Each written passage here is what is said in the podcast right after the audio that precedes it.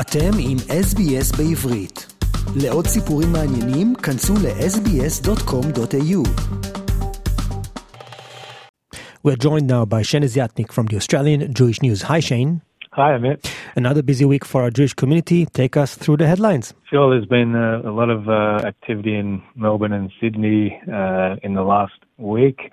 As the community was welcoming Shabbat uh, the previous Friday evening, Peace was shattered when a mob of over 100 pro Palestinian protesters descended on Caulfield South Princes Park in Melbourne, bringing fear, hate, and violence to the heart of the Jewish community. Muslim members of the group conducted prayers, chanted Allahu Akbar, and from the river to the sea, Palestine will be free, while some shouted derogatory anti Semitic and homophobic slurs. Meanwhile, 150 congregants of nearby Central Shul opposite the park were forced to abandon worship halfway through Shabbat services for their own safety on the advice of Victoria Police and the Community Security Group of Victoria. Shortly after the arrival of the pro Palestinian group, around 80 pro Israel protesters gathered on the opposite side of the road and they waved Israeli flags and sang Am Yisrael Chai and Hatikva. Two lines of around 30 police stood between the opposing groups. Organised by Free Palestine Melbourne, the gathering was slated as a peaceful protest in response to a fire that destroyed local burger shop Burgertory owned by Palestinian Australian Hash Tayeh. Now, despite Victoria Police publicly stating that they were very confident that the fire was not racially or politically motivated, the Islamic Council of Victoria and various other pro-Palestinian groups fanned the flames of discord by expressing their grave concern the fire was, quote, an intentional act amounting to a hate crime against Tayeh as a Palestinian and a Muslim. Now, while each side shouted at the other, words soon escalated into violence, with a pro Palestinian supporter rushing towards the pro Israel side where a scuffle ensued. Capsicum foam was deployed to disperse those involved, while the man was tackled by police. Documenting the protest on site, Australian Jewish News photographer Peter Haskin was in close proximity to the skirmish, with capsicum foam making contact with his eyes. After beginning to feel the effects of the foam, he retreated to the pro Israel side of the road. He said there were around half a dozen pro Palestinian supporters who were particularly aggressive their anger was palpable and in their eyes. Also attending the protest, Jewish radio host Morris Klein said he was on the receiving end of a projectile with some liquid which burnt his eyes, neck, and arms, which later required medical treatment.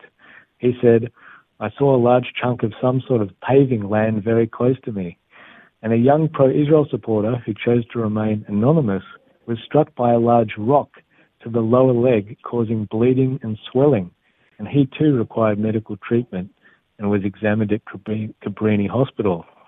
And on Sunday, at Melbourne Central Schools, uh, their rabbi, Rabbi uh, Shmuel Karnowski, and President Phil Goldman released a joint statement reflecting on the events as shocking and deplorable. They said that level of hate and violence has never happened on our peaceful streets before, and it cannot be allowed to happen ever again. The protest was originally set to take place at the site of the Burgertory shop, and in anticipation, around 20 pro Israel supporters gathered near the shop and witnessed several vehicles drive past or stop outside, all waving large Palestinian flags. And some car occupants shouted a torrent of abuse at the pro Israel group in a menacing move, one driver in a white utility truck aggressively mounted the curb, coming just centimetres away from the pro Israel supporters. Now, um, shuffling on to Sydney, a pro Palestinian motorbike convoy that made its way from Lidcombe in Sydney's west to Coogee in the east was widely condemned. Uh, this happened last Saturday afternoon, and about a dozen riders from, from Al Quds Community Centre their bikes adorned with Palestinian flags, were led by organiser Zaky Mallah, the first Australian to be charged with terrorism offences after threatening to blow up ASIO and DFAT offices in 2003. Uh, Mallah was acquitted of planning a terrorist attack, but served two years in Goulburn prison after pleading guilty to threatening to kill ASIO officers. The motorcade, which also featured utes, was escorted by police, and by the time it reached Coogee, around 100 Israel supporters singing Am Yisrael Chai uh, had gathered to meet it. The two groups were kept separate, with the convoy eventually continu- continuing on. Uh, New South Wales Jewish Board of President, uh, Deputies President David Ossip described the motorcade as psychological warfare that should not be tolerated. I believe that in all these incidents there were no physical injuries, right? No, yeah, no one got physically hurt. Uh, there was just some uh, alleged damage to some vehicles, but uh, I, I, should mention, um, yeah, in, in New South Wales, uh, the New South Wales Police have actually, from from the very beginning, um, since the Opera House incident, have set up a dedicated Operation Shelter, and that uh, operation is specifically focusing on protecting uh, the Jewish community uh, and fighting anti-Semitism. So that's what New South Wales police are doing. Uh, in Victoria, uh, the Victorian opposition wants to reinstate move on moving on powers for Victoria Police um, after these uh, latest incidents in Caulfield. And Caulfield MP David Southwick has said um, when Victoria Police don't have the power to crack down on Nazis roaming freely on trains and anti Semitic thugs coming to Caulfield to harass the Jewish community, the system is clearly broken. So he believes by empowering police to break up what he calls vile displays of hate, the Victorian Liberals and Nationals uh, will be defending Victoria's uh, precious multicultural society and seeking to introduce a bill to reinstate to Victoria the full range of moving on powers that they previously had uh, before they were changed by Labor in 2015. Any positive news, Shane, this time? Like there's some couple of positive things. Again, it's related to the war, but okay. Uh, in Sydney, there was uh, friends of the Jewish community were among 5,000 people who packed the entertainment quarter at Moore Park last Sunday to stand in solidarity with Israel and call for the release of the hostages. Um, and the, another pleasing aspect among those 5,000 was uh, some other um, Israel supporters from outside the community, including uh, the Ukrainian Council of New South Wales, the Hindu Council of Australia, and there were people from uh, leaders from the Catholic, Chinese, Assyrian, Iraqi, Greek, and also some African communities who pinned yellow ribbons on a Magen David on the stage in solidarity with Israel. Um, so that's uh, very nice. And also down in Canberra, or up up in Canberra, if you're from Melbourne, um, just on Tuesday, last Tuesday, there was a, a powerful um, the, the Bring Them Home Now Red Balloon art installation was set up by 150 volunteers who drove down from Sydney, uh, and that was set up on the front lawn of Parliament House in Canberra. Uh, now, at the same time, a core group of eight Australian Israelis who were kind of the spearhead behind um, the pro-Israel rallies in Sydney, the last two, they drove down and arranged a, a set of one-on-one meetings with uh, up to 17 uh, federal MPs and senators, uh, and those included people like uh, Senator Simon Birmingham, the shadow foreign minister, and Jacqui Lambie. Uh, most of your uh, listeners would know her very well, and others like James Paterson, Susan Ley, Paul Fletcher, Josh Burns, Mike Freelander, and others. So uh, they focused on, of course, uh, uh, the 240 hostages still being kept by Hamas, and they also uh, spoke about or, or, raised awareness individually with uh, the anti-Semitism problem, uh, the growing problem being experienced throughout Australia. In some other positive news, Shane, I read that there was a surprise visit by the Premier of New South Wales, Chris Minns, to a Jewish restaurant.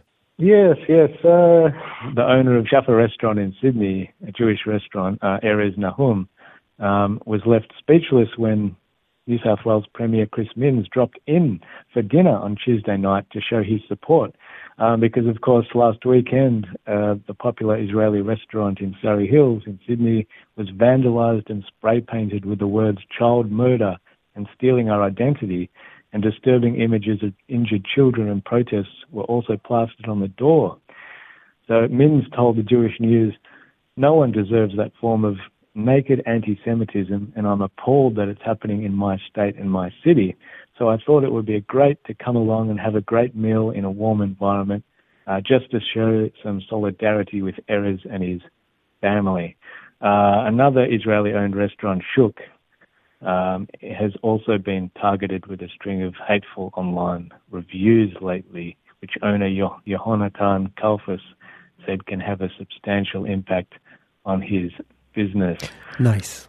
So uh, another good, a, a, positive story is a federal member for Berowra, Julian Leeser, um, who's pledged last week to wear his kippah all week in Parliament House as a statement against anti-Semitism. Um, so yeah, that's he doesn't normally wear a kippah. He only wears a kippah, you know, when he goes to special occasions at shul or ceremonial occasions. But he said this week I intend to wear my kippah at every parliamentary setting as a reminder that there are places in this country where even doing that is inviting danger and risk. And as Australians, we must stand up for each other's freedom. So good on uh, Julian Leeser. Nice, some good news there. Yeah. What yeah. other positive news can you share with us? There was an update by um, UIA on the Victims of Terror Fund, how it's being used. They did a live cross to the Jewish Agency's CEO, and she provided a little update. But at that update that they had, um, they said that uh, in the in the last five weeks, UIA here has raised the same amount as it did in the last 12 months. So it shows you that people are getting really behind um, the Australian Jewish population are really getting behind um, supporting Israel. Like to, to, raise 12 months worth in the last five weeks for the for the victims of terror fund, it is it is unbelievable. Uh, that's just that was the main thing out of that. Shane, there are so many interesting stories in the Jewish news. Please remind us where to go to read more. Yeah, listeners, um, if they want to find out more stories or uh, latest updates on anything, um, they're more than welcome to go to AustralianJewishNews.com, uh, it's our website, or visit our social media site. Shane Desiatnik from the Australian Jewish News, thank you so much for your time. Speak to you next week. Uh, my pleasure. רוצים לשמוע עוד סיפורים? האזינו דרך האפל פודקאסט, גוגל פודקאסט, ספוטיפיי, או בכל מקום אחר בו ניתן להאזין לפודקאסטים.